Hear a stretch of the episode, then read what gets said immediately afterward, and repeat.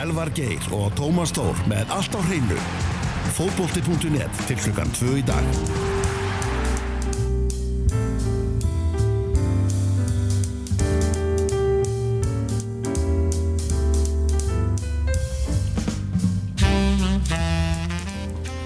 Já, áframheldur jólaþáttur fókbóta.net og nú er það jóla ringborðið enska. Elvar Geir og Tómas Þór með ykkur og uh, til okkar mættur Kristján Alli Ragnarsson. Sæl og blessaði Kristján. Sælir, gleðilega hátíð. Já, gleðilega hátíð og endilega að fá þér nóg á skötu. Það er bara hér allt í bóði. Allt í bóði fyrstbúurnar á í lögalegg.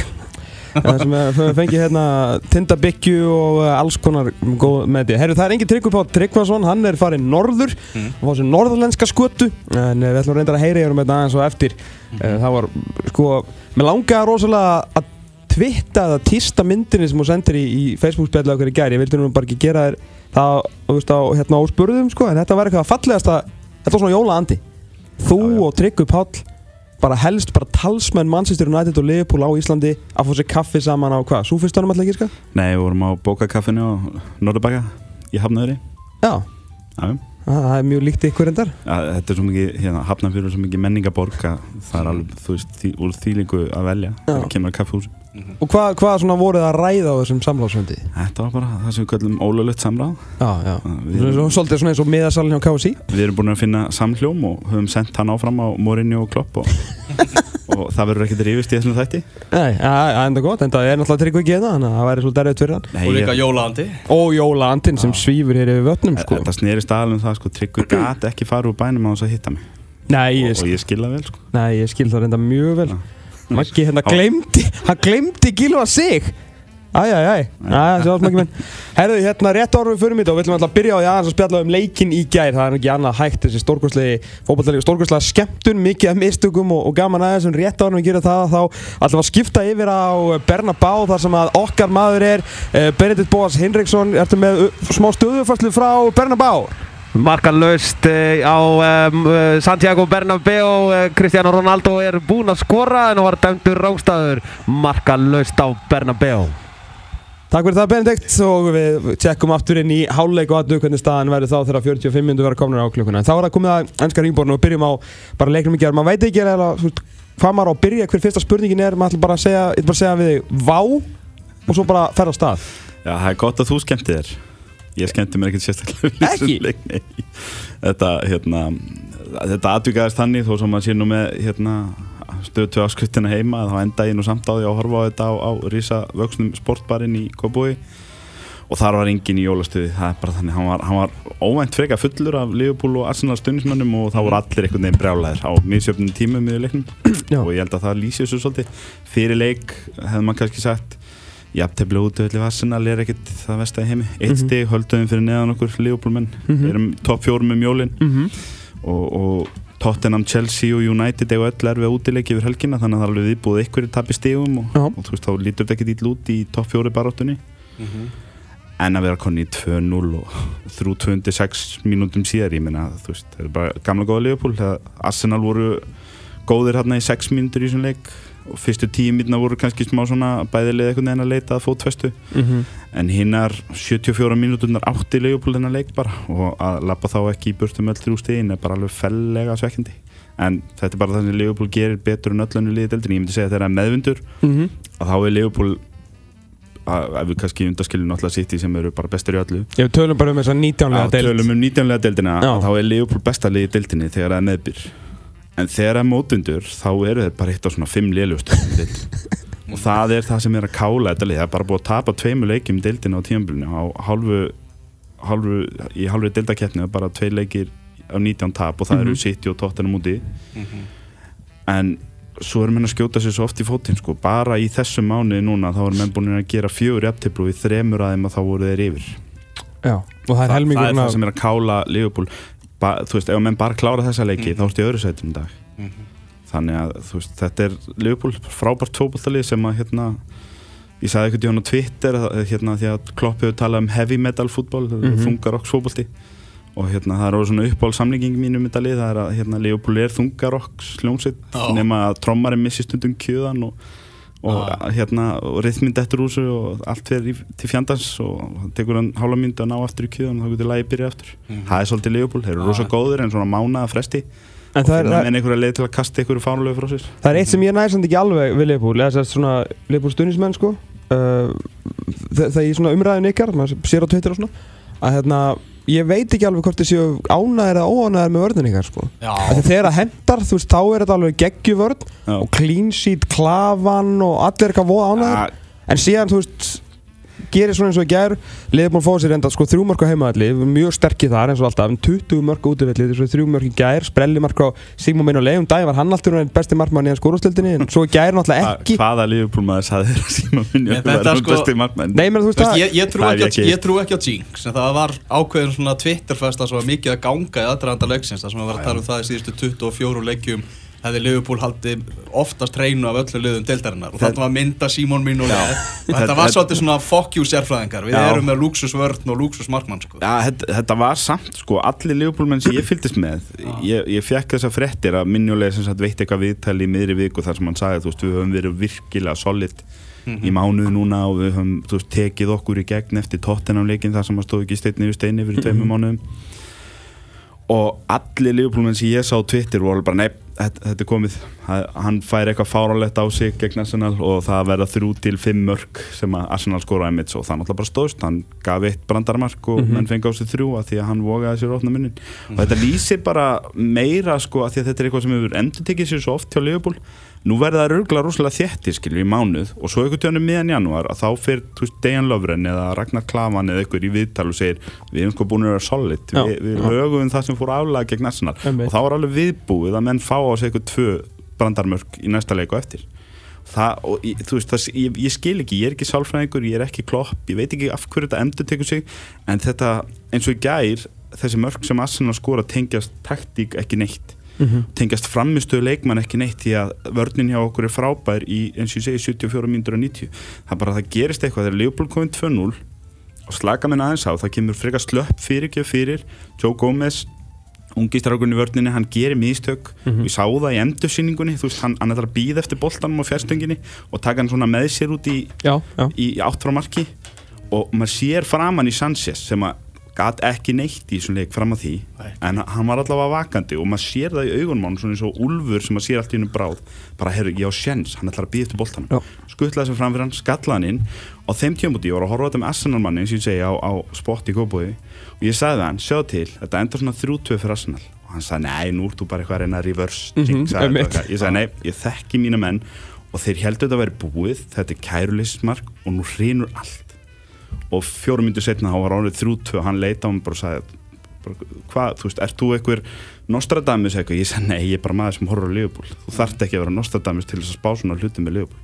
Því að þetta er bara það sem gerist hjá Liverpool. Þegar að, þú veist, þetta gerist í Sevilla bara þegar að, þú veist, þegar að mótundur þá hrinur Liverpool. Og það er alveg óþólandi því að þeir eru svo góðir þegar að meðundur eða lokn og hérna, og ég veit ekki hvað lausnin er en þú veist, maður er ennþá að reyna svona bara að slaka á njóta, þetta er náttúrulega frábært lið unnuriðilin í mistardildinni, bara búin að tapa tveimu leikjum á tímabilinu. Það er allt í góðu, skilur, markaðist maður í dildinni er í okkar lið og þetta er svona 95% rosalega gott í vörninni og menn er í topp fjórum með mjólin En þú veist, að hverju er þú veist eins og Liverpool og Arsenal að keppa? Þú veist, er þetta ekki bara þú veist, er, er annarsætið eitthvað veist, annað, þriða, fjóra, skiptir þetta einhverju? já, halda áfram að komast í mistardild og ólíkt sumum liðunum sem eru oft í mistardild Já, ég, ég er að tala um það, þetta sé alltaf svolítið mestardelda barátta, sko Leopold og Sens á að vinna mistardildina og luta öllum hinu liðun það er bara þannig Ha, Leopold er ekki bara þarna til þess að vera með upp á eitthvað Excel-skjál sko. Ég er ekki að segja að Leopold séu líklega til að vinna í ár nei, en ef þið klára Porto eru konur í áttalúslit ætla þú að fara að veðja móti Leopold mistardil nei, alls ekki, sko. Já, Nei, þe- þessi borg er klikkuð sko. Hún, hún bara lifir fyrir Európa-byggarinn já, Já, algjörlega. Eða það er að segja rauður hlutin. Náttúrulega bláu hlutin getur fara á Leopold-safnið eða vilja sjá byggarinn En hérna þú eru flottir endar hann í erfudeldinu en, en það, það er bara það sem að, þú veist, fyrir Leopold þeir eru, menn dreymir um tvent og það er að vera góði reglulega Európu, það er svona, þú veist það er, það er hérna það er svona næstu fyrir, fyrir hérna landið af því að það hefur alveg gest síðan sko. En svo náttúrulega nummer 1, 2 og 3 dreymir mennum að vinna deildina.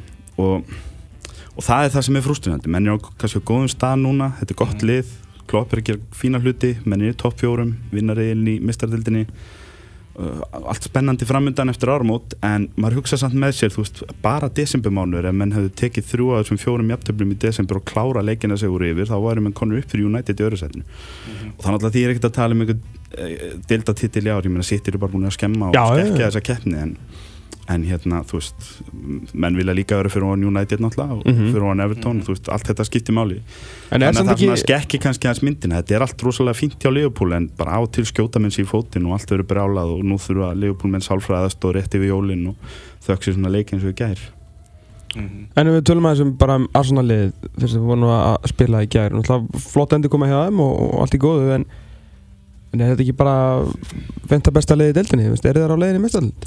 Jú, mér finnst niðuröðunin í deildinni bara vera rétt núna Eh, Börnlega semst í sjötta Nei, eh, þessi fyrstu fimm sko. Fyrstu fimm, já, Já, já. Tottenham á svolítið misklúið Tottenham er lið sem ég myndi segja sé kannski svipa gott á Liverpool Betra finnst mér heldur en Arsenal Mm. En þeir á mistflugi, það þarf svona aðeins að koma í ljós hvort þær geta náð þessu flugi og þú veist, ef þeir gera það þá myndi ég eiginlega hafa meira ágjör af einhverju challenge sem Liverpool maður í topp fjóra frá Tottenham heldur en Arsenal Mhm.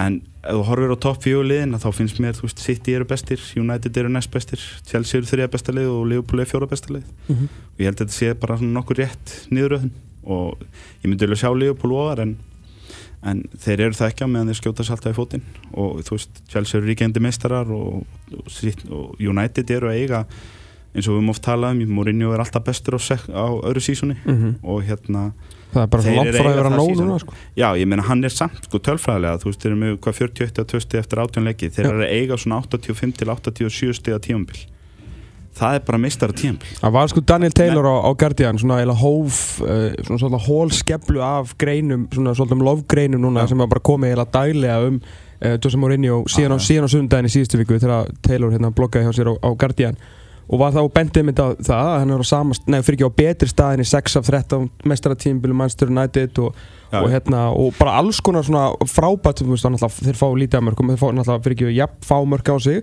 náttúrulega skora miklu minni aldur en sett í eins og öll hennu liðin í deildinni Já. En, en í heldina er þú veist 13, 2, 3 41 stig, 39, 12 í markatölu.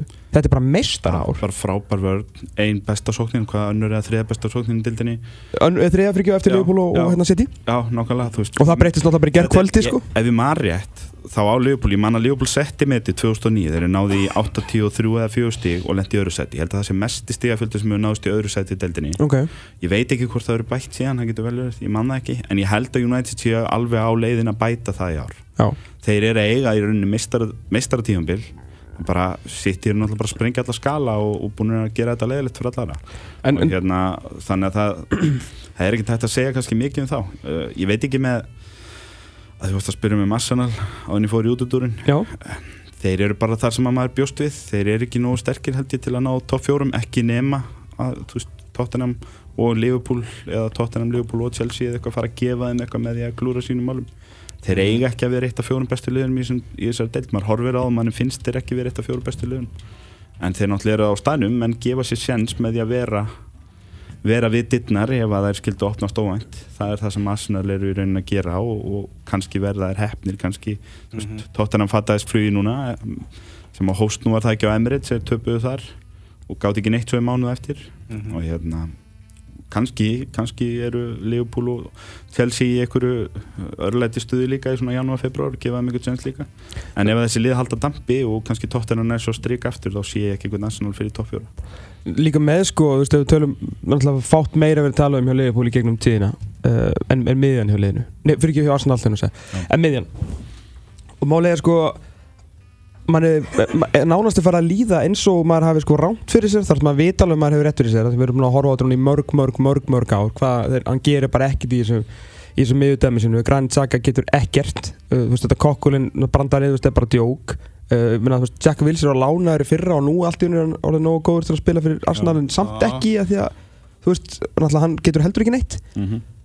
og, og bara ár eftir ár eftir ár eftir ár er bara ekkert að viti gert hann inn á miðinni og af hverju, þú veist, þeir eru bara búin að fara niður töfna, hægt og bítandi, voru bara allt svona solid, annað þriðja sæti, bara alltaf fara í gegnum erfiða tíma, peningalega og allt það. Vissulega kaupa þér svona stóra leikmenn í Sanchez og Özil og Lacazette og svona en það er alltaf þessa stöður. Alltaf. Alltaf. Og sjáðu peningarna sem að hinliðin eða þessar stöður. Mourinho kom til United og þetta var þeir voru svona aðeins að ringsnúast eftir að tekið inn Svænstækir og Snædilin sem voru slökk kaup. Mm og hann bara setti forganga að laga þessa stöðu og hann bara keifti nefnann í Matic. Já. og Liverpool Og hann var frakkan verið- já, Liverpool hafa verið gaggrindi fyrir að kaupa ekki nógu vel á miðinni en þeir eru samt held ég búin að kaupa undir klopp þrjá ef ekki fjóra miðjumenn sem eru dýrari heldur en dýrasti miðjum að Arsenal. Og, og, og, og hérna Og betri líka? Já, og bara betri, skilur. Þú ert með menn á bekknum í gær, tvo örugla á bekknum hjá Liverpool gær sem að væru burðarásar í þessu Arsenali að þeir væru á miðinu þar. Gini og Wijnaldum, Milner, hérna, Oxley Chamberlain náttúrulega uh var byrjunamæður oft hjá Arsenal og, og hérna, byrjaði fyrirleika sér að liða í ágúst, þannig að fyrir Arsenal og var svo komin á bekki núna hjá Liverpool, þannig að það segir kannski svolítið munin á breytin í, stöðum. Uh, Chelsea keftu hvað tvo, þú veist, þeir hafa keft þrjá geggjaða miðjumenn síðustu tvö sumur sem að, þú veist, eru betra en allt sem Arsenal býður upp á. Ég, ég veit ekki hvaða blindi blettur þetta er þetta er kannski svipað á með klopp og varnarleikmun það er ekkert keft í vörnina. Nei, nei. en, en Wenger greinilega sér ekki vandamál þegar hann horfir á miðjumennina sína. En já, þetta er, uh, já, ég er svolítið sammálaðið með þetta, sé, þetta er eiginlega bara uppröðun, United er bara búið að spila bara virkilega vel. Uh, svona, eh, fyrir ekki, náðu fullt að stíu? United er búin að vinna 6 af síðustu 7 það er bara City-leikurinn sem að skekkir. Mm -hmm. ef að City var ekki á toppnum þá væru menn núna í sko hóprungi yfir Hosea Mourinho. Það er bara þannig. Spila væri í fullum sving áður en hann náttúrulega síðan skemmir það eins og vennilega á, á þriðja sísonu með því að fara í eitthvað politísk drífi David De Gea og Gary Neville eða eitthvað, þú veist, hann gerir það alltaf. En á öðru sísonu var Mourinho góður og það er bara skemmur svolítið fyrir honum eins og mörgum öðrum að City eru bara ykkur staðar fáránleir Ef við tölum bara, bara aðeins um þetta setjilið, hvað, þú hversu lengi getur þetta haldið áfram? Út þetta tímbil, náttúrulega auðvuslega, þeir, þeir tapa leik, fjandinn hafið. Þetta er við Ertu á. vissu það? Ég er náttúrulega ekki vissu það, en ég, verður bara að treysta einhvern veginn á, skilur þetta Premier League. Já, Kvöld, í stók og allt það sem að þeir náttúrulega bara fara síðan að vinna, þú veist, eitthvað 5-0 eða eitthvað, en hann, hann er að taka svona bæinn tímabil bæinn gerði þetta alltaf hjá honum þeir voru alltaf konum með 20 steg fórskotum jólin Já. svo kom þeir slaka eins á eftir áramót og lagt fútið í byggarinn og erupna Já, málið, þess vegna var líka Það er mjög liðið til hann að hafa aldrei klárað. Champions League veit. með hvað þetta var það voru vombrinn hjá honum þar sko. Já. en þess vegna eru þeir hættulegri árið þetta sittilið að því að þeir eru að ná svo miklu fórskoti Mhm. ef að sitti getur fara að einbytta sér að mista deildin í vor þá, ég veit ekki hverju hver líklegri til að vinna þá deild í vor heldur en þeir eins og ég það, þeir eru bara einhvern veginn, ég var einmitt að pæli að því að grunar að við hendum í úrvarsliðið og eftir sko. Mhm. Þetta, þú veist, það var eiginlega óa fristand að velja bara Sala og tíu sittimenn í úrvarsliðið, Já. í úrvarsliðið þeir eru bara það góður og þá var ég samtalandi vandra mig, ok, en hvernig þeim tekið út fyrir Sala? Þú veist, ég, þeir eru það góður ég minna það er ekkert sangjant að fara að setja þú veist, Störling eða Sani eða eitthvað bekk í úrvarsliðið, þeir eru bara þetta er bara yfirbara lið einhvern veginn í öllum stöðum á vellinum og á hliðalínni og, og í veskinu og og alls það er, kannski ekki með yfirbörði í stúkunni. Ég hef hérna, búin að horfa á svona kannski 8 af síðustu 10 sittilegjum, ég hef ekki ennþá séð uppselt á eftir er Með þetta fótbolltalið sko. með þetta fókbaltalið, þetta ætti að vera bara þetta ætti að vera bara vissla, menn ætti að vera að koma hvaðan hvaðan ef af til þess að sjá þetta lið og þú veist, og þú ert að spila sitt í tottenham til dæmis. Kvöldleikur og lögadegi og það bara geggjuð Mhm. hérna, geggjuð veistla bara fyrir fókbalta áhámanin og það er ekki fullur völlur það er að frétta sko. Er ekki lýts með stærri völl? Þeir myndu fylla mútið tóttina bara 5 af 70 vikuna skilur menn eru bara að kvíla um helga þeir voru þreyttir að fara að finna þeir lýts tóttina en sitt í geta þetta ekki, ég skil þetta ekki. En það er líka, þú veist, það sem að Pep er búin að gera þetta, það er ekki eins og, hann- eins og bæði hjá Barcelona og hjá Bayern og núna hjá City, það er ekki eins og hann sé að koma að einhverjum tómum kofa á og fara hann að veiða einhverjum menn inn og þú veist, það sé eitthvað vesen hjá honum en það verður samt að gefa náttúrulega geðvegislega mikið Pep því að, eh, þú veist, Otamendi, Mm. Mangala veist, svona menn sem Fernandinho Fabian Delf og svo það náttúrulega, allt í hennu bara virkir hann Fabian Delfi að vera bara eitthvað burðar á sig Já. í yfir burðarliði í erfiðstu deild heims ég segi Lars Grein í vikunum Fabian Delf hann ákvaði fyrra hann vildi þjálfa Fabian Delf upp sem vinstri bakvörð Mm. en það var bara bras á City þannig að hann hafði ekki tíma til þess að það þarf smá svona, svona hérna, hann þarf að vera smá súkuleglina og Ah. veit á hún smá sératigli Já, já. og það var bara ekki tími til þess að meðan þú veist í nógubið desember fyrra þá töpuðu þeir fjórum af sex leikjum eða eitthvað og svona eiginlega mistaði þess að lestinni eitthvað Chelsea og það var bara ekki tími til þess en í ár þá er liðin bara búið að ganga svo vel að hann hefur haft tíma til þess og svo allt í einu svona í oktober þá var Fabian Delf mættur í bakverðin og er bara hann er bara besti leftarinn í dildinni Algjörlega, og svo náttúrulega bara að Því ég, ég fór að vera að horfa á maðurstyrðin núna síðustu tvolega, eða ekki sérst, ég sá ekki bristóleikin og undan, undan því. Og ég fór svona að hugsa svona raun og veru stóra munin á svona City-liðum að mér finnst að þú horfur á City sækja þá, þá minnir mér rosalega mikið, sérstaklega þegar City breykar hratt, þá minnir mér rosalega mikið á svona Ferguson United-liðin. Að bara einhver fær boltan og það er hérna, það er einhver sendingamöguleiki þvert yfir völlin hann er erfiður, en ef þú klárar þessa sendingu þá ertu bara komin með lausa mann á vagnum svo bara fyllur í tegin og þú veist, hversu mörg mörg skoraði Manchester United svona á sínum tíma. Ja. Og svona að hrúin mörgum bara það kemur ykkur, þú veist, þeir hafa svona kjark og þor og vilja og greinilega leifi frá Pep til að gera þetta. Fyrir utan að þeir eru ógeðslega góður í fótballtaleiknum að, til að gera þetta. Já, og ég fór, að því ég var að horfa á City gera þá fór ég svona að horfa á Manchester United sem er líka með rosalega góða kalla til að fara fram Paul Pogba er svona með betri leikmörum að fá hann og, setja, og pinga einhverja sendingu. Uh, veist og með fína og fljóta menn fram á við þegar þeir actually fa- hreyfa sig úr spórunum sko. En alltaf þegar United menn svona fá boltan í einhverju plássi kannski öðru hverju megin á vellinum og horfa yfir sjá þar gott laup kannski frá Valencia eða þú veist Young hinum megin þá kemur aldrei sendingin. Já. og ég veit ekki hvort að þeir fóru ekki hvort að þessi búið að berja þetta úr þeim hvort þeim bara megi þetta ekki. Já, þú þarf til að spyrja tryggum þetta eftir. Við, Já, ég, veist, ég er búinn að ræða við hans Við tókum spretta á þessu samráðsfundinum í ger mm. akkurat þessu málefni og Tryggvi vil nefnilega meina að Mourinho æfi ekki Já, hann sagði, hann var að mynda að ræða þetta við mig í Já. vikunni sko. ég, Mér- ég, Hann get æfi bara ekki- Hann æfir bara ekki þessa sókn. hluti. Já, ok Þú veist, það er bara skipula og, og taktík og svona þetta fær liðið ekkert á sig og mörgum Já, já. eða þannig að, þú veist, en, En þetta er ekki tilvæmið, þegar maður horfir á City og þegar maður horfir á það svona nokkuð marga leikir sem ég hef gert undarvarið já, að, að því að þetta er bara, þú veist, þetta er bara sögulega gott lið, þá horfir maður Mhm.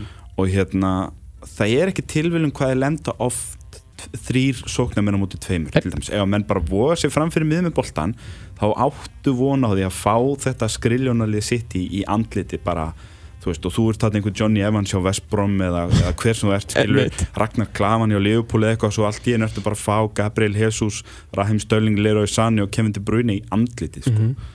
Þetta er bara ekki þægilegt og það er valla hægt að skamma menn fyrir að fá á sig þessi mörg sem að menn fá stundum á sig á móti sitt því að þetta er bara ekki sangjant en þetta er náttúrulega bara það sem Guardiola gerði. Ég man eftir þegar Guardiola var með Barcelona sko, þá lá ég yfir einhvern svona YouTube-myndbundum það var einhvern YouTube-brás já, Katalóni sem að greimdi og ég skildi náttúrulega ekkert hvað hann var að segja í myndbandinu hann var alltaf með svona töfluteikningar um það hvernig er spiluð Dani Alves í skyndisóknum. Mhm. og svo sér maður að hann kefti Kyle Walker í sumar og Kyle Walker er enginn Dani Alves en Kyle Walker er samt fít með bolta og hann er fljótasti maðurinn í dildinni skils mér og það er ekki tilviljun hvernig er spila upp hægrikantinu og hversu vel Raheem Störling hefur spilað Mhm. í, í þá er rauninni Líó Messi stöðinni ef við ætlum að fara að bera saman Barcelona hjá Guardiola. Já, já, já. hann er að spila sömu svona frjálsu rulluna utan af hægrikantinum og inn á miðjuna eins og Messi gerði. Og það er búið að taka hann rúmt ára að þjálfa. Störling var ekki svona góður í fyrra. Æ. og það var svona, þú veist, menn var aðeins að spá þú veist, er þetta maður sem að lifir af hjá Guardiola eða finnur hann eitthvað betri? Hann þannig að hann er svona búin að ná að innlega núna eftir rúmt ár sínar hugmyndir hjá Manchester City og, það, og hann er bæði búin að bæta leikmenn og annað og, en hann er líka bara búin að veist, innlega sínar hugmyndir það vel að þeir eru að spila með svipa og þessa leikreininga sem ég var að sjá hjá Barcelona á sínum tíma og maður sá hann svo endurtaka þær aftur hjá bæinn þar sem að sko eins og undir hans stjórn hjá bæinn varð Robben miklu mikilvægri leikmaður heldur en Ribery? Já, Ribery á stólum mér hérna hinn minn, Já. þú veist, að því að hann spilar þarna hægra minn og, og þú veist, og hann gerði ákveðna taktískar aðlæðanir með, með Thomas Müller og Lewandowski og annað hjá bæinn sem að, þú veist, líktist Barcelona meira og hann er að gera það með City núna á, á tímabilinu með tvö og þessi árangur er bara að skila sér og úrvarstildin veit bara ekkert þetta er í rauninni, þó svo náttúrulega Störling er ekki Messi, þú veist, og og svo framvegis, við ætlum ekki að fara að tapa okkur í þannig samanbyrði, en þetta er svolítið eins og Barcelona cirka 2009 sem mætti þessu úrvastild og menn vita bara ekkert hvernig á að stöða Ég er með sko Guardiola og Mourinho Báðir alveg sko heimsklassa stjórar Mhm. En Guardiola er miklu betri þjálfari heldur en Mourinho. Hann bætir leikmenn sína miklu meira heldur en Mourinho gerir. hann er sko, hann er proactive þjálfari. Mm. það er að segja, hann vill gera þér hlutin og láta þig um að þurfa að bregðast við þú veist, það sem ég ger við þig þú þarft að bregðast við því Mm. og það er ekki mitt vandamál. Og ef þú finnur lausnina gegn því þá bara ger ég eitthvað annað, ég er með plan B á bekknum. Þú veist, 200 miljónir punta á bekknum. Hv- Hvor þá? Mourinho? Ga- Guardiola. Guardiola, já. Guardiola er sástjóri en Mourinho er miklu meira ég ætla að sjá hvað þú gerir og þú veist, og við sjáum þetta í öllum íþróttum skilur, sum handbóltalið eru frábær varnalið og sum handbóltalið eru frábær sóknalið, veist, við sjáum þetta í nefalikum, þú veist, Floyd Mayweather er besti varnabóksar allar tíma því að hann tekur ekki á sig högg og hann les, les menn og eftir 5-6 lótur var hann búin að taka yfir. Á meðan að Pacquiao var miklu meiri sóknamæður þú veist, og þú ser þetta í öllum íþróttum og það er munurinn á þeim og, og svo verður menn bara að gera það upp við sig hvort að menn eru sáttir við að hafa besta reactionary stjóran besta viðbræða stjóran í boltanum sem er Mourinho í hérna í þínu liði hjá United eða hvort þú vilt eitthvað sem er meira eins og Guardiola. Hérna við vorum að tala um í gær einmitt með United og Tryggvi benti mér á mjög góðan mun að með mánaða millibili þá fóru United á Anfield í haust og það endaði 0-0 jafntefli og svo svona stemdi það sama móti Tottenham nokkurum viku setna á Old Trafford Mm. og Tottenham voru þá alveg svona upp á sitt besta á þessu tíðanbili Já þanga til að Pochettino gerir breytingar hjá Tottenham. Man ekki hvort hann setti Son inn á eða eitthvað álíka, hann fór svona í að reyna ok, nú ætlum ég að prófa síðustu 20-25 að opna hann að leika eins og sjá hvort ég vinnan búm, Mourinho gerir breytingar nokkrum myndum setna og þær breytingar skiluðu sigumarkinu, það var Martial sem kom inn á strax eða eitthvað eftir á. En það sem gerist hjá Liverpool og United nokkrum vikum áðum var að, og það náttúrulega pyrraði okkur Liverpool menn freka mikið var að Klopp gerði ekki breytingar. Og þá gerði Mourinho ekki breytingar og svo kom í rauninni þessar breytingar sem maður átti vona hjá honum að setja Rashford og fella íni inn á. Komið svolítið seint hjá United og, og það skilaði einu döðafæri sem þið nýtt ekki en öðru leiti þú veist þá var svona ekki nógu tími hjá þeim til þess að vinna leikin það er það sem Mourinho gerir, hann býður til að þú gerir eitthvað. Búin að lesa hann búin að nulla þið út. Og svo þegar þú sýnir veiklegan að þá, þá keira hann á það sko. En, það- en Guardiola hann leggur upp með að vera styrkleikin á ve- vellinum og það er bara þitt að reyna að stoppa hann og þetta er bara mismunandi mm -hmm. heimsbyggi í Já, já, flestum og hefur virkað svo sem ágætlega fyrir að báða Við hérna ætlum að taka smá pásu og koma ekki, sér ef aftur. ekki aðeins að Jó, heyra í, í hálfleik í, og ég ætla að kynna hvað væri eftir skilur, Já, en já. ég skal bara klára þetta. Að við ætlum hér eftir pásu að heyra í Tryggvapóli Tryggvarsinni og við hérna heyra eins um meira um Manchester United og uh, þeir ætla að fara yfir það strákvöndur og síðan ætla að velja hérna úrvarslið og gera upp í þessu öðru fjórums uppgjöri en áður en við förum í auðlýsingar þurfum að skipta aðeins yfir á, yfir á Bernabá, það er hálfleikur en okkar maður á staðnum er Benedikt Bóðas Hinriksson hvað er að gerast uh, í uh, Kongsins uh, Real Madrid? Jú, sælir drengir, það er 0-0 í háluleik, Karim Benzema átti hættulegasta færið, skallaði í, í stöngina. Háluleikurinn endaði með því að Lionel Messi þrumaði í hausinn á Cristiano Ronaldo úr aukaspinnu 0-0 á Bernabeu, þið talið meir um þetta á eftir.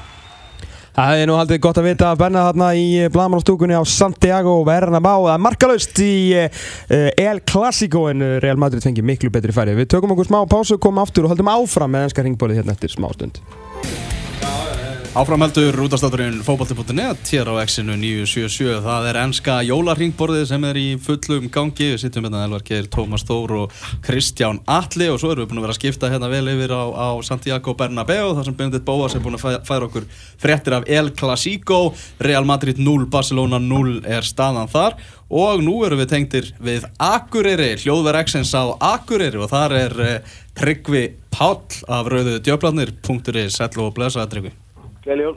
Gleðileg jól hvað var þetta Það eru, Tryggvi, við erum bara að komast að því eftir hérna Taylor-greinina um daginn að United er ógeðslega gott lið Já, það er- þetta er allavega getur verið verða. en það er bara langt frá að vera nóg en ég meina þú veist var ekki, þú veist, þegar þú varst að lesa, þú varst að benda mér á um daginn það var ekki, þú veist, skrítið bara einhvern veginn að fara að pæli að að liðið er geggjað, þú veist, það fær ekki á sinni einn mörg og skorar með þeim mestu í deildinni þú veist, og er næst mest í 19. deildinni Já. en samt bara ekki, ekki svona breyk að vinna tillin Nei, ég veit, ég veit ekki hvort þið fóruð yfir þetta áðan, sko, en ég sagði ágætt grein á, sem er á Guardian og hérna eftir Daniel Taylor sem er geggjaður kvillaðundur. Eh, það er minna farið yfir að, þú veist, hvað, Ferguson var með hvað, 27 tímbil og United með betri árangur eftir 17 leiki í 16 af þessum 27 tímbilum núna. Pældi því veist, búin að skora fleiri mörk en ótrúlega frábæra ósýrandi lið Arsenal sem var þetta ekkert ósýrandi og þú veist, svona getur maður haldið áfram sko, en, en já, svo er það bara þetta blessa City-lið sem einhvern veginn skekkir alla, alla mynd þannig að það er það, veist, það er svo pyrrandi, þetta er svolítið pyrrandi að einhvern veginn uh, horfandi á United að því að Mourinho er svo sem alveg að vinna sína vinnu, þú veist, hann er alveg, hann er að delivera því sem hann lofaði, sko. En bara verst fyrir hann að það er annar að gera tölvist betur en hann, sko. Já, og svolítið náttúrulega hjálpar hann náttúrulega ekki að, að það lið er bara hann við hliðin á í, í sömu borg sko. Nei, ekkur, það er svona að gera þetta helmingi verra og svo er þetta líka náttúrulega Pep Guardiola, svona hans erki óvunur þegar hafa eitthvað meginn uh, elda saman gráttsilur hann um tíð og hérna, þannig að já, það kemur svolítið ítla út til morinu og maður sér hann líka verið svolítið pyrraður, sko, hann, er- hann er farin að vera svolítið leiðilegur í að blaða manna fundum og, og svona, þannig að það er svona, maður velti fyrir sér hvort að, hvort að fara að glitta í svona þennan vondamorinu sem einhvern veginn sp- sprengir allt upp á endanum, sko, í, í fyrra. En aðeins var að vera pyrraður svona, það er svona spurning hvernig það endar. Uh, en sko kannski eitt með að að maður er alltaf að bera þetta saman með Ferguson sko, það sem gerði Ferguson alltaf svona virkilega góðan. Öll þessi ár var að hann þú veist, jóti gott meistarlega svo kom einhver annars að sem venjar og gerði betralið og hérna þá fyrst hérna Ferguson svolítið að stígu upp sko. Og svo kom Mourinho líka inn í mixi þannig að það voru komnið þannig tveir helviti góði stjórar sem voru einhvern veginn svona nútímalegri en, en, en Ferguson. En hann samt náði að, að einhvern veginn skjóta þeim báðum aftur fyrir sig. Einhvern veginn með því að breyta til og einhvern veginn finnst það eins og Mourinho þurfur kannski aðeins að svona fara breyta til til þess að einhvern veginn komast upp á leveli sem City er undir, undir stjórn En það er hún ekki að gera, veist, hvað í veröldinu á hún að gera til að nálgast Pep Guardiola allt í einu bara? Púf, það miljón dólar spurningi sko. Það, Menn hann getur ekki fara að breyta bara hugmyndafræði sinni þjálfræði og öllu, ég veist, þetta er hans stíl og hann er já, að, já skil, eins og þú sagðir á, ég meina, það er hárið, ég meina, að skila nákvæmlega því sem hann er að lofa og, þú veist, hann er á En- mestarári, sko, en það er bara, það er bara verið að breyta leiknum bara í beinni útsendingu hérna um hverju helgi. En ég meina þú veist, Ferguson gerði þetta, hann bara breytti sjálfur sér og hérna breytti, breytti sínum svona viðhórum því að kannski hann alltaf, það sem Ferguson gerði svo vel var að hann var alltaf að skipta út aðstofnunum sínum sko, þannig að hann held sér fersku þannig að þeir komu nýjar hugmyndir inn sem svona einhvern veginn fjúsjöðust við það sem hann var að pæla sko. Uh, ég veit ekki, ef maður horfir á ég veit, þú veist, 90% af því sem Mourinho gera er alveg, er alveg á mjög góðu uh, leveli sko. en einhvern veginn í þessum stórleikjum þegar hann parkar rútinni sem ég hef alltaf að segja og ég ég að örgulega sagt það að sé eftir talaði sko. ég er ekkert á múti því, sko. þetta er bara fínt en það verður þá að vera mjög skýr leið til þess að sækja fram því og manni sýnist það bara að horfir á sóknarleikinu Júnett bara vera þannig að hann er ekkert æfður á einhverju viti, hann er ekkert eitthvað svona þaul æfður, hann er mest ástæðlega vördina og vördina er líka toppstandi en, en sóknulega treystur hann bara á að Lukaku, Mourinho nei, hérna, Martial og Rashford og Pogba einhvern veginn á að retta þessu sem er bara ekki nóg í dag þegar öll liðin eru með, þú veist 35 manns í því að rannsaka anstæðingarna að vita nákvæmlega hvernig þið spila sko. það er bara alltaf auðvelt fyrir hinn að stoppa þetta sko. og ég meina og líka mjög aðtilsvægt með Pogba hann er búin að vera svolítið frá eh, mittist náttúrulega svo var í banni og, útrúð tölfræði sem eitthvað gróf upp núna í síðustu viku að síðustu helgi að Júland er ekki að tapa leik deildinu með hann í liðinu sér í oktober á síðasta ári. Já, það er svona alltaf að segja okkur bara þú veist, liðir alltaf gjössalega snýst um hann og svo var eitthvað sem fylgdi eftir með tölfræði með svona, þú veist, sendingar hverja mínútu og snertingar hverja mínútu og svona, þú veist, þá komið ljós að, hann er ekkert bara aðalmaðurinn í, á miðinu og aðalmaðurinn í sóknin, hann er bara miðjan og ég veit, Og það er náttúrulega vesenið að hann er bara að spila, á- las það einhvers þar á árinu 2017, 65% af leikjunum.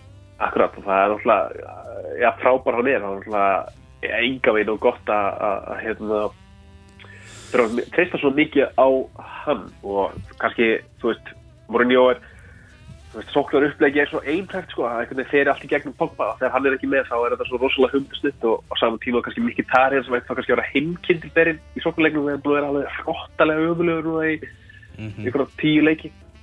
Og hérna, þannig að það, þú veist, það þurfa það þurfa svolítið að aðeins að svona einhvern veginn að stokka upp og nýtt og aðeins að horfa yfir, yfir spila og ég meina, ok, staðinu þar núna sitt ég með hvað, er það 11 stig eða 11 stig eða eitthvað Já. slags nú ættum við bara að fara að taka taka svona sjensa, skilur, það er aðeins að breyta til að meina, 11 stig, 11 stig, það er alveg drullu mikið, Eh, það er mjög ólíklegt að einhver að fara að ná þeim og þá er alveg sko bara, þú veist, go for it, sko það er ekki frekar bara svona að verja stöðu sinna í þessari delt og bara go for the Champions League. Jú, svo það er náttúrulega, ég hugsa, för, ja, hann hérna, Morinni horfið náttúrulega mjög stíft á það. Hann er náttúrulega byggar sérfræðingur, hirti tvær dóttur á, síðast tímbili og ég hugsa hann horfið ansi hýru auga í, í mestarlönduna og, og líka stund með United. Þetta er svona sá titill sem var hefur einhvern veginn ekki fundist að koma ofta Old Trafford og hann hefði átt að gera þessu gegnum tíðina. Mhm. Þannig að, að sjálfsögðu, það var það náttúrulega líka, að líka, hérna, ég hugsa að það verður líka uppleiki, en sá leikur er eitthvað ekki fyrir í februar nei.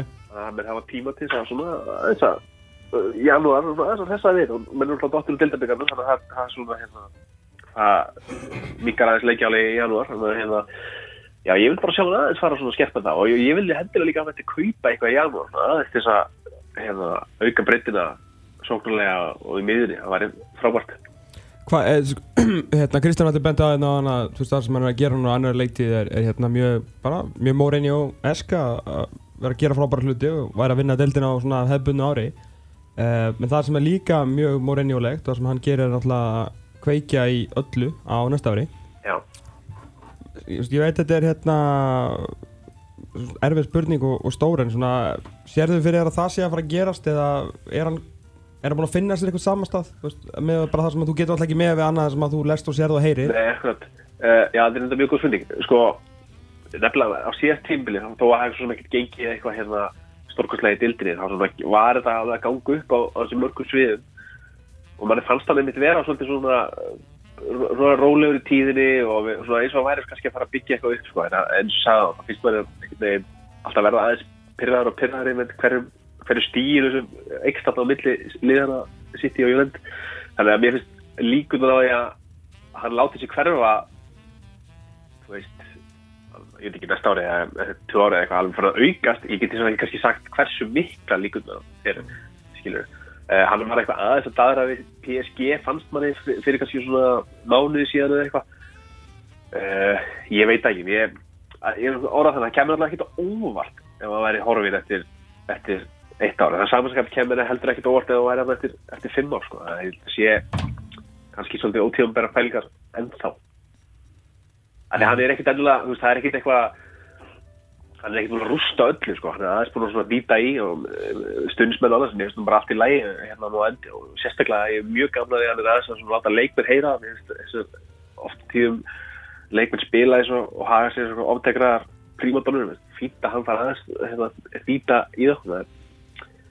Þannig að ég hugsa já, við bara verðum að býða sjá hvort að, hérna, hvort að, hvort að þessi brú sem hann er alltaf að tala um verið sprengt upp það hér, sko. Mm, Svo líka var áhugavert sem hörðu Björgvin sagði með þarna eftir leikinu á móti, móti Bristol svona mikið rætt um Mourinho eftir þannleik hvernig hann þarna var svona já, sagði bara að Bristol hefði verið hefnir sagði hann í, í viðtölum og, og svo kom einhverja fréttir af því að, að stjórin hjá Bristol hafi, hafi keift upp á Mourinho og hann hefði bara ekkert mætt og, og bara farið í einhverju fúsi svo kemur hörður að segja frá því að hann fer inn í klef og tekur í hendun, henduna, hendunar á, á öllum leikmönnum Bristol og, og óskarum til hamingju þetta er einhvern veginn svona, þetta er allt öðruvísi svona hvernig hann er út af við og, og hitt sko Já, já, hann er náttúrulega, þú veist, menn náttúrulega er að taka öllu sem hann segir við, við fjölmila með, þú veist, vænum skamta salti, sko. Það er ekki, hérna, það er alltaf að spila ykkur leiki, sko. Ég meina, auðvitað finnst öllum gaman að mála morinu svona eitthvað, eitthvað erki fíbl og erki óvinn allra, en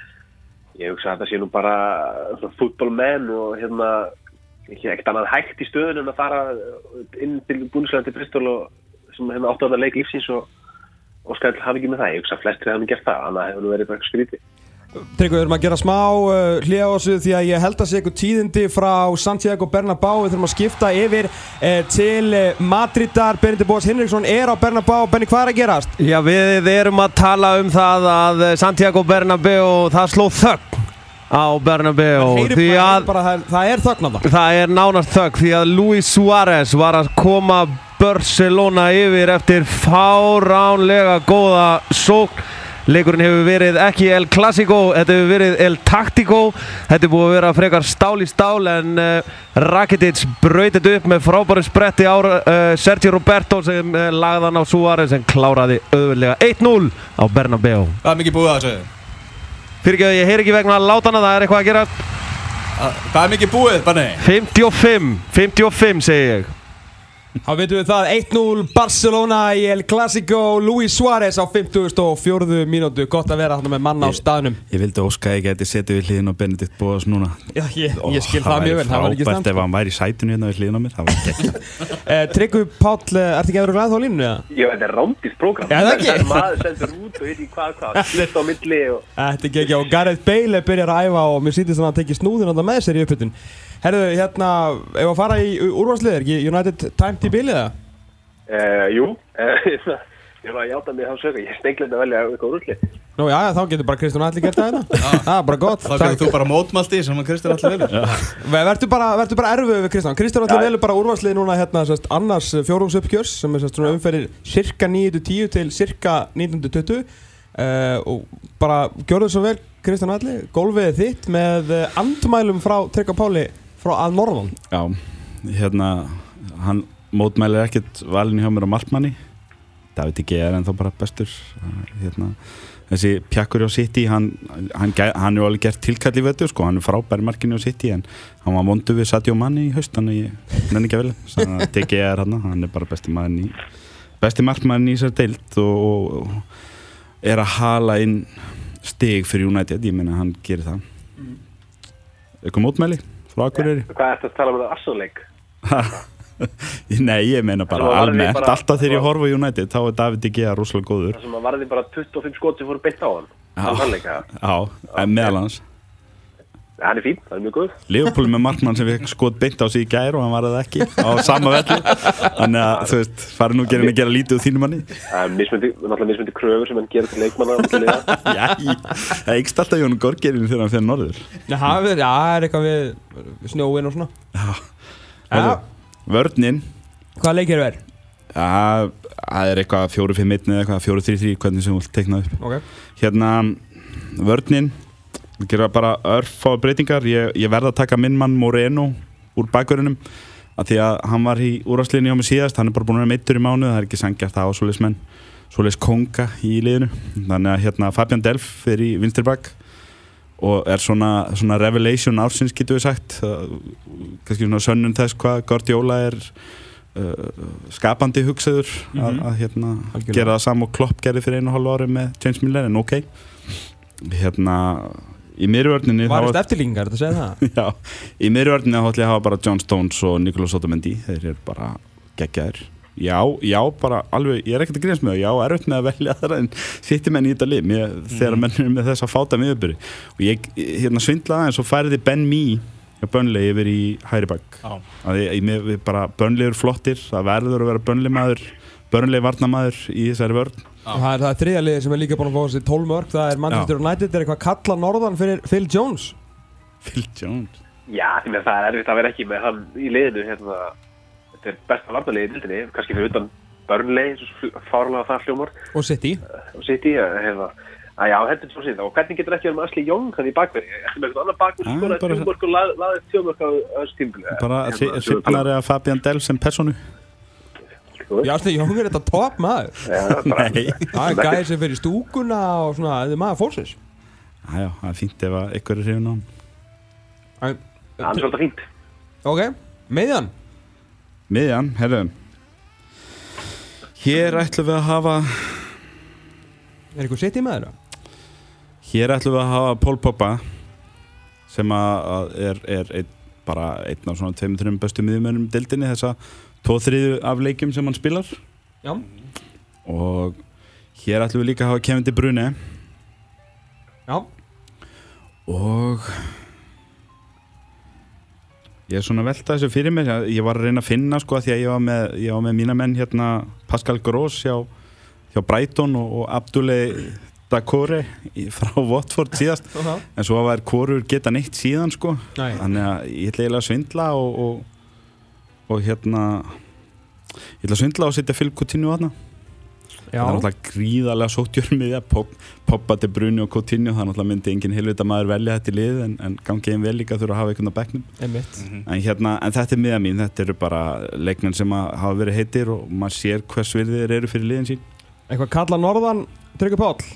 Ég myndi taka Coutinho út fyrir David Silva sem er bara, pottur og pannan í þessu liði fyrir utan hann er alltaf bara veit ekki, einhvern veginn endur hanna sig frá því að vera kannski einmitt típan sem De Bruyne er núna í sýttilega að vera bara eitthvað svona all around miðvímaður, einhvern veginn getur allt og er að skora líka mikilvæg mörg Það kom þegar hárið fór.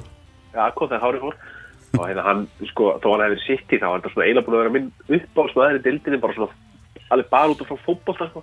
Mm. svona síðustu 7-8 tímpil hérna, ég myndi klálega að setja hann á það. Ok, sóknarlínan Við erum á sömu línu, ég er bara eins og ég segi ég er uh, svolítið út um allt í, í hérna, uppstillingunni. Að því að ég er með David Silva á kantinum sko.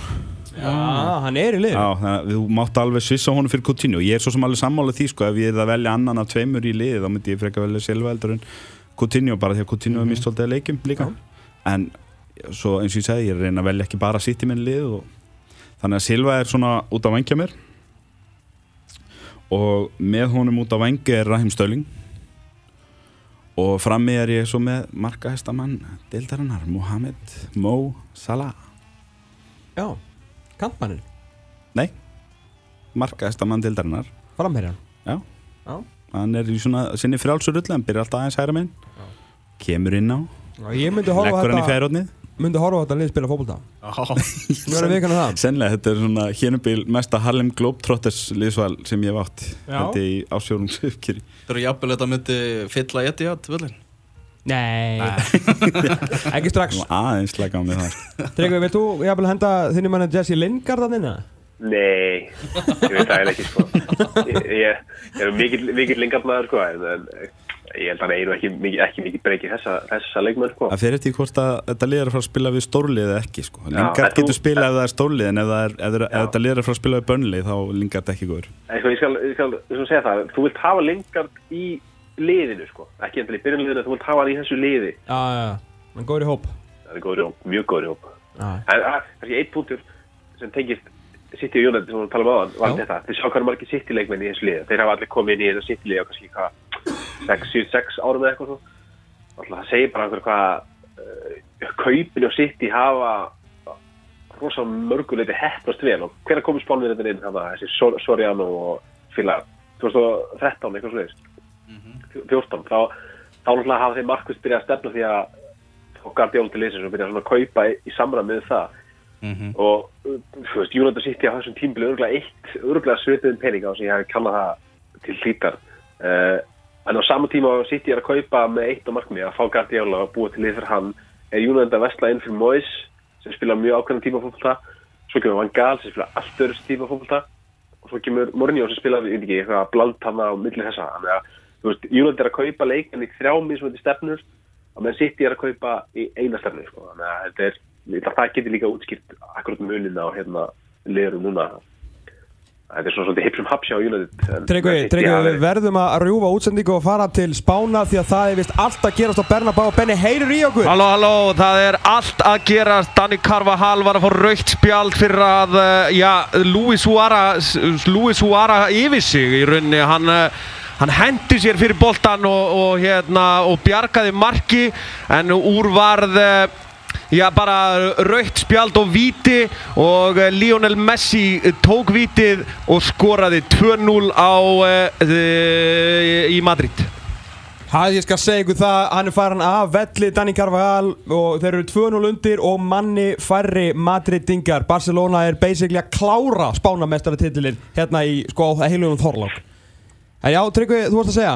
Já, ég var góð, sko. ég, ég er að spæða fyrir að gera þetta bara, heyri Benna og svo tvekja tíma vesti og fá bara stöðuna, sko. þetta er heldur gott Herri, Tryggvi, takk fyrir að vera á, á línu með okkur og bara gleðileg jól, elsku félagi. Takk sem leiðis Gleðileg jól. Það hefði nú haldið. Varstu með eitthvað svona úrvalska, hérna, kalla áksleisa? Voru bara með lið? já, ég, stóru punkt hérna eftir ég var- ætla ekki að taka besta leikmann jú, og bestu jú, vonbrigði? Jú, þú, þú ert hérna, þú ert, Þáttu til tvö, þú fær 40 mínútur til að taka það já, 38 myndir. Ég þarf svona þrjá klukkutíma í mestu vonbriði núna sko En hérna, besti leikmaður Ég gæti sagt Sala En mér finnst bara þetta tímamótalið á City Besti leikmaðurinn í City á Er besti leikmaðurinn í þessu dild Það er bræðilegt Og þeir eru margir Það er náttúrulega að segja sitt um City lið Og þú veist, það er eiginlega Ég geti nefnt fimm Og þið eru brálaður út í að ég skildi ekki velja hína fjóra alveg sama hvernig þessum fimm ég nefni en Kevin De Bruyne er bara besti leikmann í svo- deildi við alveg ég held að það sé bara þannig alltaf þegar maður horfir á City að þá hann er prímusmóturinn í öllu sem er að gerast. David Silva hefur aðeins verið að stila þrumuna á honum í desember en, en hérna en. Hversu oft hefur samt svona séð svona góð lið? En uh, var ekki bara eins og í ekki núni í ár heldur í fyrra í Já. þegar þeir voru svona pakkuð eiginlega saman deildinni áður samt að geta veist, nett á sínum standard sko. Já. Að það var aldrei neitt þú veist, umræðum FH-ing ef maður rétt sem svona er að fara svona ó, ógeðsla langbæsta liði Já. sem er samt svo mikið liðsframtak að þeir komast aldrei í úrvalsliðin sko Já, já. Þeir eru bæði Það er, geggjali er erfitt að velja hver stendur upp úr í vörð þar sem allir eru bara besta vörðin í dildinni Já, skilur, þú veist, einmitt, svoleiðis. þeir eru ekki með svona eitthvað svona Já. mátulega góður til að rústa sér deil Já. þeir eru bara allir geggjari Það er svolítið þannig með City, þú getur hort til dæmis á alla varnarlínu með City og þú getur alveg, ef þú ætlar að velja varnarmann ásins hjá City, þá gætur þú raunin alveg, þú veist, tínt til alla fjóra. Og, hérna, og eins með miðina, eins með sóknina en, en þú veist, þetta er svona einhvern veginn alltaf að fara í gegnum til brunni og þá finnst mér allt í lagi að hann fái þennan hefur. það er líka bara algjör dóla Já, ég er líka, ég er er kannski að vonast eftir að jinx hana, þess að ég valdi Harry Kane síðast og hann hefur ekki getað blöytan síðan. já, já, góð bara Ég, uh, hérna, ég er að reyna að slata hana þetta. verst, verst þá verst þá að það eru bara eftir hérna David Silva, Sergio Aguero, Leroy Sané uh, Gabriel Jesus Jesus, Jesus er svo almáttur. Herru, ok, uh, hvað sem er að er Vombrið, síðasta fjórðung. Hér, er- hér er ég með umræðinni, sko. Já, ég, mér er óglætt það, þú veist, mér bara, ég fæ maður við að segja þetta upp átt en Roy Hodgson Big Sam Allardyce Alan Pardew og David Moyes er allir konur aftur í deildin eftir að tíðanbili hóst Og þetta er bara vombriði ársins. Og allir geggjaðir. Þetta er bara vombriði áratugans hvað er að frétt En hvort eru vombrið þessu konur aftur eða gamlega skólinn svona svinnvirki? þetta svín virka sko, það var eitthvað sem sagði um daginn eins og með Everton að Sam Allardyce væri svona hérna í neyðbrjóti glerið, valkostur. Þú veist, þeir gefa honum átjámanarsamning og hann rýfur þá núna upp í miðatöflu Mhm. og svo hann ekki að fara að gera neitt meira en það skiljum við, hann er kannski að fara að vinna og einn og einn svona eitthvað United eða Liverpool leik eða eitthvað líka, rífa smá kjaft og, og skilaði mér þetta þú veist, sjötta til tólta sæti í ára og kannski á næsta ára líka. Og þeir vilja meira þess vegna byggði þeir í mánu þó svo hann væri alveg klár. Voru að reyna við alla aðra áðurnu að ok, við tökum samanlega þess að þeir fengi engan annan. Og Búnir að sko eða hafnur að minna Já, þú veist, og Moyes er að eiga einhverjar, þú veist, góðan halva mánu núna, sko, og þá var hann byrjað að rífa kæft strax, sko, ég gæti tekið við öllum liðum í heiminum. Nei, vinnur, þú gasta Nei, það. ég, ég fekk bara ekki sjens með United. Já, fegstu þú ekki séns með Real Sociedad heldur, eða, og, svo fegst ekki séns með. Sönderland, eða, svo mikill skellur fyrir talsmenn nýja skólans og svona, nú er fótbollin búin að breytast og allt það, þetta-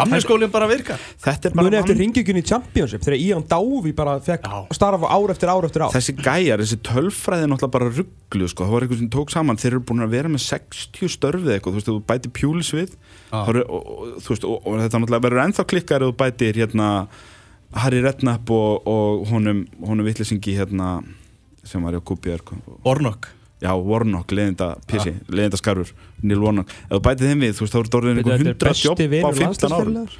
Já, hérna, þú veist, 100 jobb á einhvern 15 árum. Þetta eru gæðinni sem eru bara fyrir hinnum. Þessi lið, þau panika og þau fara í þetta, í neyðbrjóti glerið. Hver er á lausu? Að Púlis er á lausu núna, þannig að næsta lið mun ringi hann. Þú veist, hver er ég- lausu núna? Að Móis er lausu. Ég er Að með það, Hodgson er hérna- lausu. Að þeir, þeir vita hvað er fáið með þessa gæði. Þessi gæðir þekkja deildina, þeir þekkja boltan og þeir skila þeir upp úr fallsætunum. Hafa náttúrulega allir fallið tímapunkti og skila svona, veist, upp í þetta Ek- það sem ekki kallar Tony safety. Nei, Púlis hefur reyndar aldrei fallið Nei. En það kemur Ekki alveg þess heldur eða? Bara sann Nei, hann er aldrei fallið. En sko, hann, málið- hann er alltaf að forða sér á þér eða? Nei, hann, hann heldur alltaf liðið mjög Já, hérna- En mér minni, ég, það var alltaf umræðin í Já, kringum en, en þú veist, þetta, þetta er bara ekki skemmtilegt það, þú veist, það sem að tapast þegar þessi gæjar komin í deildin er að það kemur aldrei svona það kemur aldrei þessi ungi Jörgen Klopp, það kemur aldrei þessi ungi Julian Nagelsmann eins og núna sko í Þísklandi Það er samt búið að reyna sko. Þess vegna eru þeir komnir aftur. Við mögum ekki gleyma Luis, Enrique fær aldrei séns Jose Mourinho fær aldrei séns þegar hann er 30, Andri Vilas Bóas fær aldrei séns menn taka eitthvað svona séns að við reyðum Vilas Bóas að virka ekki þannig að við fyrir beint aftur í þú veist, einhverja komlu kalla. Við reyðum hérna, þú veist, eitthvað neitt De Boer eða eitthvað, það virka ekki, ringjum í Hodgson þú veist það bara beint í safety. Menn eins og Palas, þeir eru búin að fara í gegnum þú veist fjóra af þessum gaurum á síðustu sex ára með eitthvað, mm -hmm. ringdu svo í, og reyðu til búar, það virkaði ekki leta hann fara eftir fimm eða sex leiki. Og, og ringja í Hodgson. Og þeir eru ennþá í fallsætskil þetta er ekkert eitthvað mikið betra eftir að Rauð Hodgson tók við. Hann, veist, þeir náttúrulega voru alveg gjörsanlega flatlænt hjá De Boer eftir 5-6 leiki, þannig að þetta er kannski eitthvað aðeins betra en ekkert mikið. Championship er búin að svona, dæmis uh, vera að prófa eins Portugala dæmis. Og hérna nú er hann strákur hérna með Wolves að rústa þessari deild. Já, strákur hérna sem að uh, hann hvað heitir hann overumbin sem að stýrir þessu allir þarna? Jorge Mendes. Já, hann hérna er fyrir hérna svona leiðir þetta fjárfestingafélagi er svona þeirra hvað maður að segja technical director hjá þessum gæði sem að keftu Wolves sko. Og þeir fengur þessi portugalska þarfa sem er að rústa þessari deild. Og að því ég var nú bara aðeins að preppa með því er að fara að lýsa hérna stórleiks F1 Wednesday og Middlesbrough að þá mitt réð uh, Wednesday, Portugala Já. Carvalho, Carlos Carvalho eða eitthvað fyrir tveimur ára síðan, 2015 og uh, hann fór næstuði með og upp í fyrra. Mhm, uh, og bara búin að gera flotta hluti með þetta lið þetta, er risa, þetta er stór klúpur með stóran völl og, og mikla hefð og svona, landsinni voru samt uppi. Uh, og þeir voru mjög líklegir til að fara upp í ár eða svona voru taldi mjög líklegir því að þeir eru búin að hafa bara verið mjög stöðir eftir handtóku við. Já. en hérna, en nú eru þeir að underperforma alveg fyrir allan peningin sem kemur fyrir á bestu bæum og það er talað um að ef hann tapar í dag það er enda svona keppni hvoru eru reikin og undan hann eða Gary Monkjamboro, þetta er svona þannig leikur sko, bæði liða underperforma og svakana. En ef þeir reka þannig Carvalho, e- veist, ef hann tapar í dag veist, þá er eru promotion alveg farið sko. mhm. En þá, þá kemur svona spurningin ok, veist, hann er búinn að sína okkur hvað hann getur. Gekk ekki ár, veist, ef að haldunum og, skilur, blási herlur fyrir næst tímbil, eða bara reka hann og ringi í hann dái sem kann þetta Já, nákvæmlega. Þetta, þetta er, og, og við vitum að oftar en ekki þá velja þessi ennskuli, þau velja þennan kostin að ringja í þann sem þið þekkja. Og mér finnst þetta bara, þú veist, mér finnst þetta bara miður. Það, þú veist, það eru dæmið og þessi lið sem eru að koma upp úr Championship-deildinni eru miklu æfintýragjarnari þó, þó, hérna, þó svo það kannski vanti líka upp á þar. Hérna, eins og, eins og David Wagner hjá Huddersfield. Það, það, hann var aðstofamæðurinn hjá Klopp hjá Mhm, Dortmund mhm. og þeir réðu mann sem hafði aldrei verið aðalstjóri hjá neinum og hann skilaði upp í rúrastild Chris Hutton sem var þú veist hjá Newcastle á sínum tíma, hann þurfti að fara að droppa niður um deil til þess að byggja fyrirlin aftur eftir að uh, svona nokkru að leikja hreina um aðrið hjá Newcastle var til þess að þeir panikuð, hann fór náttúrulega með þeim upp sko, upp um deild. Mm -hmm. Newcastle og svo hérna einhvern tíma hann svo veist, þegar var seintlið á fyrsta árið eitthvað og letar hann fara, tóku partjú í staðinn.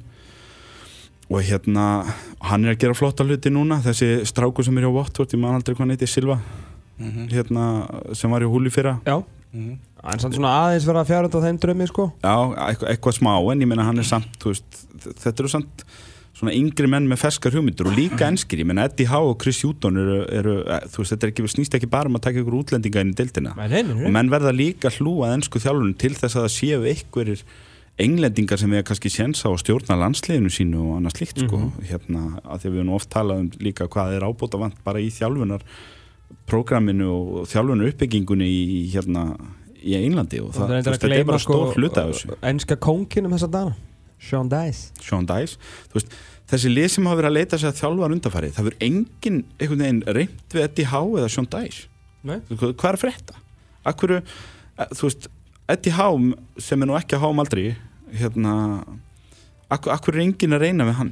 Akkur, einmitt, Akkur prófa, er enginn prófa að að gefa honum smá seðla til að vinna með? Já, akkur fóru Everton ekki all in í Sean Dice Sean Dice er stjóri sem að myndi svoleiðis, að, þú veist, ég veit ekki um stjóra sem er betur sniðin fyrir Everton í dag heldur en Sean Dice og hérna að En ég, er- skil, er ég ekki skil bara ekki, þetta eru vombrið tímabilsur fyrir mér, það er að sjá Er ekki bara gömlu- skilur, er þetta ekki bara að því að hann er svona nett, svona öðruvísi þú veist, rauðhæri með rauðt skegg og tala svona er ekki menn bara svolítið að horfa á það? Ég veit ekki, sem er alltaf ógeðslega ósangjart og algjör bull hann lítur út öðruvís en hann þjálfar. Ég held en ég, ég, alveg sammála. frábæra, algjörlega sammála. menn horfa á hann og menn sjá eitthvað svona John Hartson þöngulhaus sko.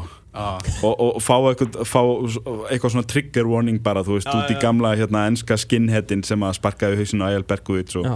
og, þú veist, hafði ekki vit á neinu og, en síðan þetta gæði bara En- með þvílíka yfir sín yfir Já, klubbin og, og þeir eru búin að gefa honum öll þessi ár að að, glemur þar var ekki panikað. Nei. þó, sem var á leiðinni niður með liðið, þar var ekki panikað. Nei. og menn eru sko að bera ávöxt af því núna. Algjörlega. Og þeir vildu líka og þeir treystu honum fyrir miklu meira heldur en að stýra fótballtaliðinu þeir stýrðu honum fyrir, þú veist, hann er svona alveg Já. manager því að þeir eru búin að byggja allt upp í, hérna, á, á svæðinu og ætla sér svona stóra hluti til framtíðar. Og ef þú ætti að gera eitthvað þannig þá getur ekki verið að- með sko, fjóra menn á tveimur árum sko. Já, ég, þetta eru flotti klubbar Bournemouth og Burnley eru, dæmum klubbar sem að þú veist þar sem að menn er að vinna eftir langtíma sín með sínum stjóra. Treystónum líka þegar það gengur illa. Það er engin, þú veist, Eddie Howe hefur þetta er hvað þrið ári hjá Bournemouth í deildinu og það hefur alveg komið, þú veist, þar sem er af gunni neitt í tvo mánuði eða eitthvað líka. En það verður engin panikað. Nei. og Eddie Howe snýris alltaf við aftur og, og, og, og skapa stöðuleika hjá þessum held ég að sé alveg langminnsta klubbi í deildinni eða hvort hann er ekki lengur minnst eða hvort að Höldersvild eru minni eða eitthvað álíka núna sko. hann náttúrulega eru nokkri svona hérna, minnisbáminni í þessari deild núna. En hérna En talandi um nýja skólan, Lee Johnson uh, stjóri hérna Harðar í Bristol City. Já. fyrirhandi leikmaður Bristol og, og Kilman Ákom bara hérna, hætti nú að spila 2013 og þjálfaði Barsleir, nú er búin að vera með Bristol og Bristol er bara líklega til að fara upp í ár. Hann er með app, veistu þið það? ha, hann er með app fyrir leikmennu sinna þar sem hann eru með allar upplýsingar. Ég var að hlusta á Guardian Football Weekly í vikunni. Já, ok. Og hérna, ég ætlaði reyndar ekki að segja neinu frá þessu og vera svona fyrstu til að spyrja hörðu út í þetta okkur tímpúti en ja, það fóð það. En, hérna, en hann er sem sagt, þú veist, talandi um nýja skólan þá hérna geta þeir bara, hann setur bara allt prógrami og svona, bara í app sem að leikmennir eru með og hann bara, þetta uppfæra þetta bara sjálfur eða kannski með teimi í þið eitthvað? Þetta er svona, þú veist, til að miðla upplýsingum um hvað er ég að gera og fyrir leiki og hvort að einhverju sem sér æfingaprógram eða eitthvað. Þetta er svona finnst þið líklegt að Rói Hotsson eigi snjálfsíma? Nei, en, en Sam Allardyce væri líklegri heldur en eiginlega flestir til að fara Sam eitthvað er svona. mjög teknilegur en hérna En ekki, ekki voi, sko. Og, það, og það er með líkur mínum hérna fallegum hlutum sem ég hef um Sam þess að segja. Akkur er svona ó- óánægð með hann? Hann er bara leiður, hann er bara ekki vinnu minn. Ekki? Nei og hefur aldrei verið. Hvað þá núna þegar hann er mættu bara sem stjóri Evertón og farin að vinna fótbolltaleiki sko. En mér er alveg saman það, Evertón er eitthvað langt fyrir neðan, ég var náttúrulega, ég var pyrraður út í þetta stig sem að, þú veist, þeir fengu gefins á Anfield og svo fór hann í viðtölu eftir leikin og sagði að þeir eru, hérna, hvernig voru hann, hann sagði, we have mastered a great team. Já, já, já, vinnur, þetta, þetta átt að vera orðið 5-0 fyrir Liverpool þegar þeir fengu vitið, það, var, bara- það var náttúrulega bara hefni sko. Já, Það er ekki hægt en- að segja en- að þetta að vera taktískur sigur sko. en hann, viti- hann, var, hann var annars í fljótur að taka kredit á það. Já, Veitir hvað er mest í töðunar mér í heiminum. Þessa dana Í hans skúrstildinni Og samt eða bara út fyrir hans skúrstildinni og í heiminum Og Vein Rúni takið all víti Hvað er að frétta með það? Djúvel fyrir það reyndar er að skora á þeim flestum. Við sögum þetta Það verður til öll í sumar, það sáu þetta allir. Hann var, þegar Rúni var að koma og, og Gilvi að koma líka til Everton þetta myndi því að það að Gilvi þetta berjast fyrir sko, hverju hotspinnu sem hann fengi að taka. Mhm. Já, því miður. Það vantar svolítið upp á mörkir Þannig að þegar vítin Er ekki að tölfræn getur verið svo miklu betri sko. Það er nú mjög stutt í janúar það er spurning hvort að Everton kaupi loksins fram mér eða hvort að það, það, er, það henda mér ágætlega ef þessi desember uppsveifla hérna samfærið þá um að Rúni sé ennþá einna bestu frammerinum í deildinni og þeir þurfi ekki að kaupa strækir. Ég er bara mjög ánægð með það ákvörun Já. En uh, þetta með Gilva á þessu tímabili það mesta svona bara sönnun um hvað hefur gert fyrir mig nýlega bara frasa í, í heiminum sko. Já. Bara einhvern veginn Vá, hvað menn eru óvinsæll fljótir maður. Og allir að ah, hvað verður eða pening þessu pening í þetta? Og svo núna bara hverrar krónu virði sko. Er fljótt að breyta. Getur við lagt inn á aðrar 45 eða? Já, Þetta er náttúrulega, þetta Kannski eru svo mikil Þetta eru svo mikil eldflöga vísindi Það kom hann inn þjálfari sem setti Gilva í sína stöðu. Já. Hver hefði séð fyrir að hann færi að spila vel? Þetta, þetta er ótrúlega óvænt. Það er bara Það eru allir, bara það eru 40.000 hökur í golf Þetta er bara. eitthvað svona töfrabræð hjá samanlega þess að segja hann Herruvinur, þú fer í þína stöðu. Og segja svo, já, þetta er ég, ég byggði hann upp frá grunni Já, já. Þetta, Þú veist Já, það var ekki að, hérna oft er þetta ekki eldflögavísindi. íþróttasálfræðings? Þú þarft ekki snjall síma forrið á allt skilur. Stundum Nei. getur þú bara sagt, þegar Gilvi do your thing. Og, og getur hvað, hann er að, þú veist, doing his thing. Algjörlega. Látum taka líka auka spinnur og svona. Það er mjög snutt Kauf, þú veist, ef þú- þú þú vantaði vinstri kantmann þá áttur þú bara að kaupa vinstri kantmann þá áttur ekki að kaupa Gilva á 50 miljonir og tróða hann með eitthvað það sem hann er ekki upp á sitt besta Og hérna eru það önnur voru ekki eldsvoða vísindi hjá Ronald Koeman. Og hér eru fleiri eldflöðavísindi Ef að þú kaupir uh, góðan framherja. Mm. Jafnvel svoleitt eilítið hávaksin Eða í minnst okkosti góðan skallamann. Þá munur stóðsendingunum hjá Gilva Þór Sigurssoni þar, þar munur, uh, þeim munur aukast. Ha, Þeim munur fjölga. Mm. Og uh, sá framherji mun fá góða þjónustu Og skora jafnvel fyrir því svona 6-7 mörg Setnum hluta leitt hér með samanlega þessi brunni þá er þetta ekki spurningin um hvort þá maður kemur heldur bara hvað hann heitir Heitir hann ekki bara Fernando Llorente eða? Já, spurning. Oliver Giroud er náttúrulega maður sem þeir reyndu mikið við í sumar. Já, þeir, Arsenal þarf En nú er hann meittur sko Arsenal svona eiginlega þarfan þú veist, Arsenal einhvern veginn með ekki við því að selja þeir þurfa bara að styrkja sig. En ég veit ekki hvaðan hann kemur en, en Big Sam finnur eitthvað sko. Ég hef engar okkur því. Eða þú veist að, að öðru sko. Já, Já, þetta ekki orðið fínt hjá okkur held það. Held ég bara uh, Hvert er þetta að fara í skötu? Þú eru búið með þessa skötu? Ég borg skutt Þess vegna er þetta ekki búin að snerta á diskinn? Nei, Við settum alveg ekki, selur þú ekki fisk? jú, Það er mitt á. Ok. He- Spurðu eitthvað tíman eitthvað sem vinnur í sláturhúsi hvað hann borði mikið af haki og bjúi það borðar samt vantilega kannski ekki mikið að því Já, ég veit ekki. Ég, hérna, ég sé nú að þessu í vinnun á daginn. Og, og hérna, ég fæ mér pítsu í kvöld það er, það er hefðin hjá mér og bræðrunum á meðan pappi og mamma fór að sörga sig eitthvað í skötu. Eigin konan fyrir mig dætu mínir í skötu. Og ég stend svo smúla þetta lið þegar þetta kemur heim. Á hann að fara komin heim með mér. Eina sem sko Benny Bóas var ósáttu við þegar við sögum honum að við ætlum að senda til Madridar til að fylgjast með Real Madrid Barcelona var að myndið að missa af skötunni sko. Herri, það er líklega bara svona tíu mínútur eftir að svo á Madrid, það er rétt ára við ljúkum eins ekki að heyra í, í Benna svona í næst síðasta við eh, skipta yfir á, yfir á Santiago Bernabéu í Madrid uh, Benni, hvað er, hvað er að gera þér þér? Uh, Gareth Bale er komin inn á, uh, hann fekk svona blendnar móttökur, uh, hefur átt eitt sprett, hann var að dómaranum og eitt skot. Annað er ekki að frétta 2-0 fyrir Barcelona, þeir eru að verða spánarmeistarar. Er- er- 23. desember. Er, er fólk byrjað að fara maður svona aðeins, við heyrum aðeins betur í þig núna, eru færið á vellinu með það? Já, fólk er, uh, sko það er 23. líka hér í Madrid og uh, hér er uh, ekki skötuveisla en það er paella-veisla og uh, það er hátegis tilbúð, fimm í fötu. Ah. ok, það er gott að vita það en frábært að heyra í Benna að heyra síðan í loka tölur. Það allan staðan er 2-0 fyrir Barcelona. Mörkin frá Luis Suárez og Lionel Messi. Kristján Allir Ragnarsson, takk kjærlega fyrir komuna. Gleðileg jól, gleðilega hátíð gaman að vera með þér, við vantalega síðast síðan árun farsalt komandi ár og allur pakkin Allir pakkin? ah, bara heldur betur, hvað farið í jólagjöfunar? Leifbúl eitthvað? Nei, bækur Bara bækur?